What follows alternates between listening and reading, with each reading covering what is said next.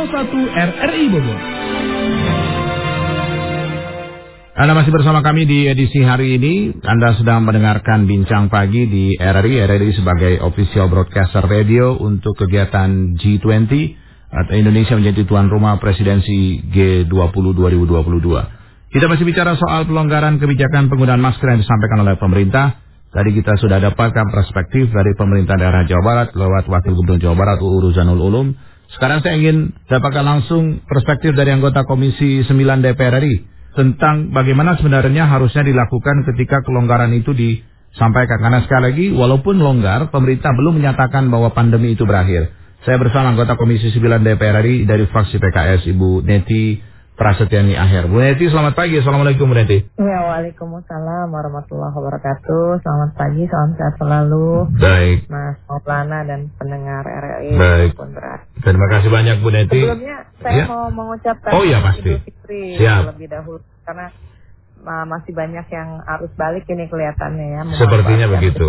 Sepertinya begitu. Itu terpantau kalau lagi kunjungan di Cirebon ya Bu Neti ya? ya ini saya saya lagi di Cirebon. Iya makanya kalau di Cirebon kelihatan tuh apa jalur-jalur orang mau mudik balik dan sebagainya tuh kelihatan ya. kemudian itu ya. Baik. Sebelum kita bincang lebih jauh soal kebijakan masker ini, kita dengarkan lagi apa yang disampaikan oleh Presiden soal kebijakan pelonggaran penggunaan masker di ruang terbuka. Kita akan ikuti statement Presiden berikut ini. Dengan memperhatikan kondisi saat ini, di mana penanganan pandemi COVID-19 di Indonesia yang semakin terkendali, maka perlu saya menyampaikan beberapa hal. Yang pertama, pemerintah memutuskan untuk melonggarkan kebijakan pemakaian masker.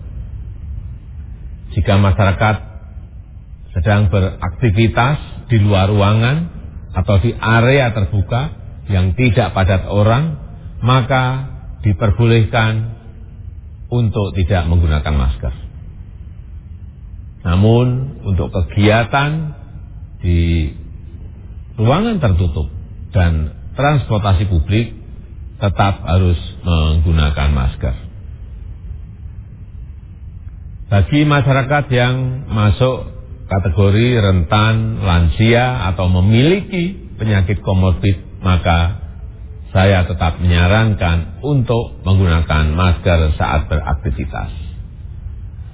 Demikian juga bagi masyarakat yang mengalami gejala batuk dan pilek, maka tetap harus menggunakan masker ketika melakukan aktivitas. Yang kedua, bagi pelaku perjalanan dalam negeri dan luar negeri yang sudah mendapatkan dosis vaksinasi lengkap, maka sudah tidak perlu lagi untuk melakukan tes swab PCR maupun antigen. Baik, itu yang disampaikan oleh Presiden Joko Widodo. Uh, Bu Neti itu dipandang sebagai bahwa Indonesia benar-benar sudah memang akan menuju ke endemi atau justru memang kebijakan itu diambil setelah melihat bahwa nggak ada lonjakan signifikan setelah arus mudik sebenarnya? Ya, tentu sebelum saya menyampaikan beberapa pandangan pribadi ya. Uh-huh. Saya ingin mengingatkan kita semua bahwa pandemi ini pandemi global. Jadi artinya uh, eh, WHO pun masih belum mencabut status pandemi. Kemudian yang kedua uh, pada regulasi yang dibuat oleh pemerintah pun uh, kita masih berstatus pandemi yang disebut sebagai bencana nasional non alam disebabkan oleh uh, coronavirus 19 seperti itu. Jadi artinya uh, saya kenapa perlu menyebutkan ini karena sebetulnya pandemi belum berakhir. Hmm. Gitu. Nah yang kedua uh, saya juga uh, ingin mengingatkan kepada seluruh pihak ya terutama pemerintah gitu bahwa betapa sulitnya kita untuk me membangun kesadaran masyarakat dengan perilaku hidup bersih dan sehat dan menerapkan protokol kesehatan ya hmm. di tengah rendahnya literasi masyarakat terhadap kesehatan gitu kita masih ingat ya uh, dengan baik ketika new normal itu diintroduksi oleh pemerintah hmm. beberapa waktu yang lalu ya Mas Maulana yeah. nah ketika kata apa diksi new normal itu di uh, disebutkan oleh pemerintah, ya masyarakat langsung berbondong-bondong uh, melakukan aktivitas sebagaimana sebelum masa pandemi seperti itu. Hmm. Nah oleh itu menurut saya uh, ini yang uh, perlu diwaspadai begitu ya.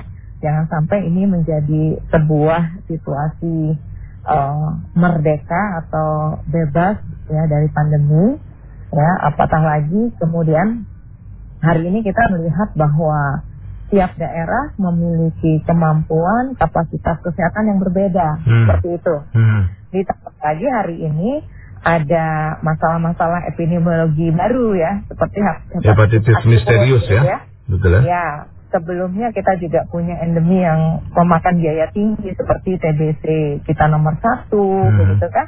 Hmm. Nah, dan penyakit lainnya.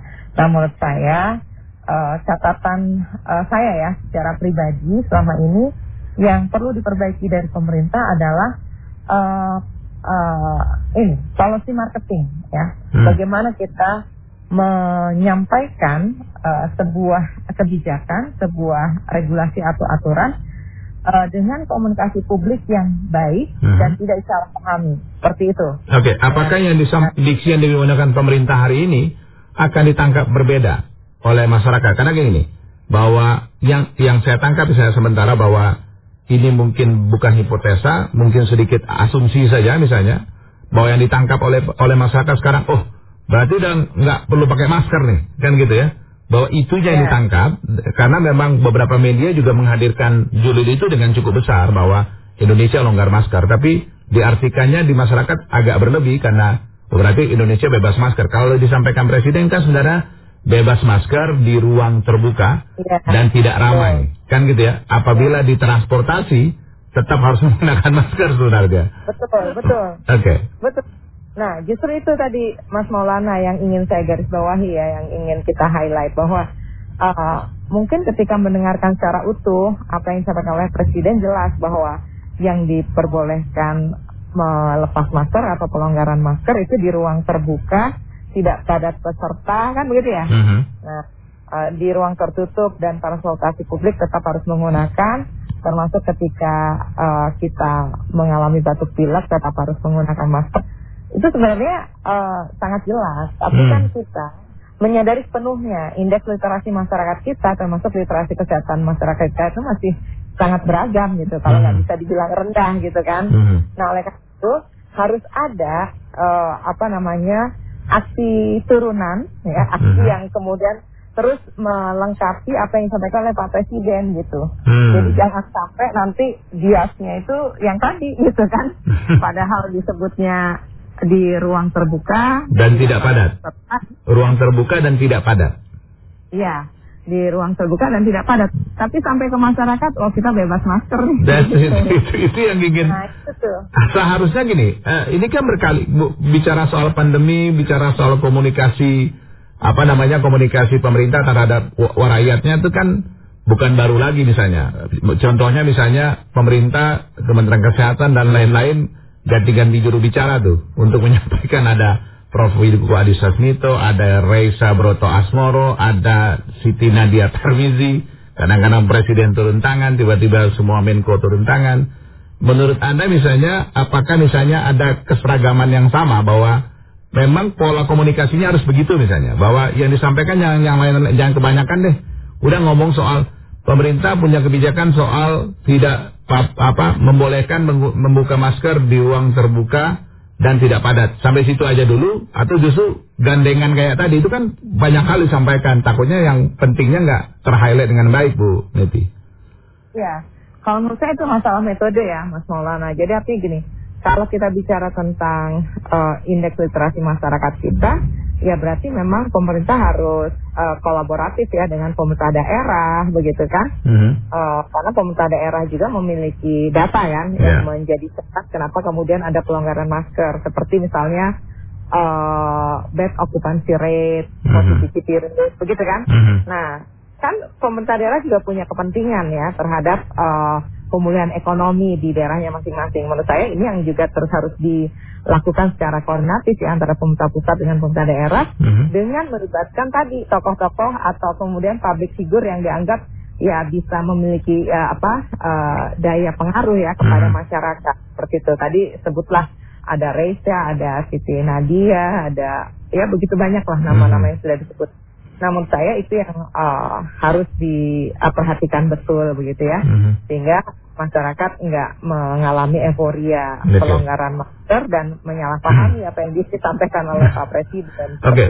perlu nggak misalnya daerah itu mendapat diskresi dari pemerintah pusat? Karena nanti kita tanya Pak U, Pak U, apa kebijakan turunannya ketika Presiden sudah menyampaikan itu? Jawabannya sih belum ada karena memang belum ada juknis dan jukta dari pusat. Um, beberapa orang mengomentari bahwa kadang-kadang nggak perlu juknis juklak dari pusat deh. Boleh nggak dapat diskresi daerah bahwa daerah kan punya kondisi yang bermacam-macam dan berbeda ya. misalnya. Seharusnya ya. seharusnya bagaimana kebijakan turunan itu diaplikasikan Bu Neti? Ya kalau menurut saya enggak ya betul ya enggak enggak enggak selalu apa yang disampaikan oleh presiden itu kemudian dibuatkan payung hukumnya ya tapi yang jelas bagaimana kemudian uh, daerah menyikapi ini secara bijak gitu. Misalnya kayak Jawa Barat lah ya, saya hmm. tahunya Jawa Barat aja ya, dengan 27 hmm. kota kabupaten. Kita bisa lihat mana sih daerah yang memang masih cenderung uh, tinggi ya, apa penyebarannya gitu. Hmm. Oh berarti ini yang yang terus harus diwaspadai. Tapi kalau daerah saya nih, seperti misalnya Indramayu yang kebanyakan petani, ya mungkin karena memang sehari-hari di sawah, kena yeah. matahari, ya nggak ada masalah ya nggak usah. Nggak usah terlalu mengerahkan apa yeah. best effort untuk mengedukasi petani. Boleh loh sekarang nggak pakai masker. Mm -hmm. oh memang sehari mereka nggak pakai masker. Iya di, di tempat itu kan nggak akan nggak akan ada keramaian ya. Paling dia betul, sama sapinya betul. kan gitu ya. Ya nah yang kedua menurut saya yang memang masih ada uh, apa namanya mobilitas yang cukup tinggi ya seperti sekolah gitu kan mm -hmm. sekolah perusahaan pabrik begitu nah itu yang harus langsung diajak untuk melakukan uh, apa pertemuan koordinatif begitu ya antara pemerintah provinsi kota kabupaten okay. dengan sektor-sektor uh, yang memang uh, masih banyak me, apa namanya melakukan aktivitas atau mobilisasi okay. yang, yang Bu, Bu Neti menurut Bu Neti ketika ada kebijakan presiden, maka kebijakan turunan di transportasi itu harus bagaimana? Misalnya, saya nggak tahu apakah ini salah kaprah atau enggak ya. Misalnya ketika ada kebijakan presiden soal pelonggaran masker di ruang terbuka dan apa namanya um, di ruang terbuka dan tidak padat, tiba, bukan tiba-tiba. Maka misalnya diikuti dengan kebijakan PT Kereta Komuter Jabodetabek untuk menambah kapasitas jadi 80%. Itu turunan berbanding lurus atau saudara nggak nyambung sama sekali? Nah, kalau ini tentu pendapat uh, pribadi saya ya. Hmm. Jadi kebijakan itu jangan fear of missing out gitu ya. Jangan cuma sekedar uh, takut ketinggalan kereta gitu atau takut ketinggalan apa yang sudah dilakukan oleh negara-negara lain ya, mengumumkan bebas masker gitu. Tapi tetaplah kemudian uh, kita melibatkan pandangan pakar gitu. Jadi kalau ya tadi Mas Maulana tanya, uh, bisa nggak ya kalau kemudian pelonggaran ini diikuti dengan misalnya penambahan kapasitas uh, penumpang uh, di uh, komuter misalnya. Mm -hmm. Nah itu tentu kita harus uh, libatkan pakar ya, pakar mhm. transportasi, mm -hmm. pakar epidemiologi gitu ya. Mm -hmm. Ya gimana sih uh, situasi di komuter lain itu gitu? Apakah memang bagus sirkulasinya? Apakah kemudian memang uh, apa kapasitas uh, gerbongnya atau uh, tempat duduknya memang memadai begitu? Nah kalau memang itu dianggap uh, memenuhi syarat uh, tidak masalah, uh-huh. ya silakan gitu. Tapi nah, terpenting itu tadi. So, so far kira-kira kira-kira nyambung nggak ya Bu Neti ya? Soal itu misalnya bahwa ya, kita minta misalnya kalau... 80 persen oke okay, misalnya ya, masker boleh depan terbuka tapi nambah 80 persen misalnya harusnya bukan itu kebijakannya misalnya atau ada ada kebijakan yang lain yang eh, kan harus gradual ya harus harus ya. bertahap misalnya kan gitu. Ya kalau gini, sekarang pilihannya adalah uh, bagaimana kita menyeimbangkan antara uh, apa namanya usaha kita untuk menyelamatkan SDM uh -huh. kita. Pandemi ini kan wabahnya kesehatan ya. Yeah. Jadi artinya uh, yang paling berkepentingan dan paling apa namanya uh, perlu diatur adalah mobilitas warga ya, mobilitas okay. orang. Yeah. Nah, yang kedua, hari ini emang nggak bisa lagi ditantang Mas Maulana ya upaya pemulihan ekonomi gitu ya, kan. betul. Ya, mau sampai kapan dua tahun ini kan begitu. Hmm. Kita bicara ini di awal ya, artinya kita me, apa mengarahkan 80% penanganan itu kesehatan semua gitu. Hmm. Nah, apalagi kalau kita melihat rilis lembaga-lembaga survei bahwa ternyata 65% ya bahkan lebih ya masyarakat menginginkan ada transisi dari pandemi menuju pandemi terkendali atau sebutannya endemi gitu uh-huh. ya itu kan uh, gambaran betapa masyarakatnya udah nggak betah gitu ya yeah. sebagai dasar PHK dirumahkan kehilangan pelanggan kan begitu ya kekurangan jadi nah jadi, jadi wajar dong misalnya kalau orang mengartikan Abdul sampaikan presiden bahwa udah aman nih gitu ya. Karena memang surveinya mengingatkan bahwa jumping conclusion pasti akan terjadi dong. Ya Bu Neti ya. Iya.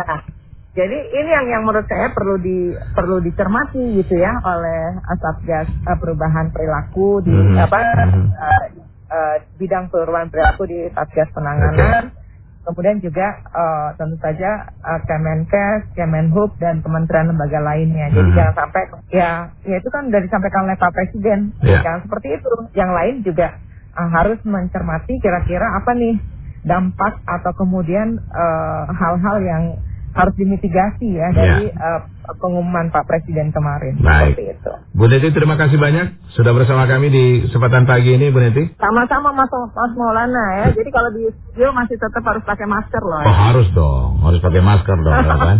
Betul. Iya. Salam sehat selalu. Salam sehat selalu Bu Neti. Terima kasih. Selamat pagi. Assalamualaikum Bu Neti. Waalaikumsalam warahmatullahi wabarakatuh. Demikian anggota Komisi 9 DPR RI, Ibu Neti Prasetyani Aher, tadi sudah menyampaikan, jangan sampai ada jumping konklusi di tengah masyarakat soal apa yang disampaikan Presiden. Saya ingin underline, bold underline, garis bawah tebal. Boleh tidak menggunakan masker di ruang terbuka dan tidak padat orang. Artinya, Selama itu padat orang, maka Anda harus tetap pakai masker. Kita akhiri bincang kita di edisi hari ini. Saya Maulana Sarto. Sampai jumpa.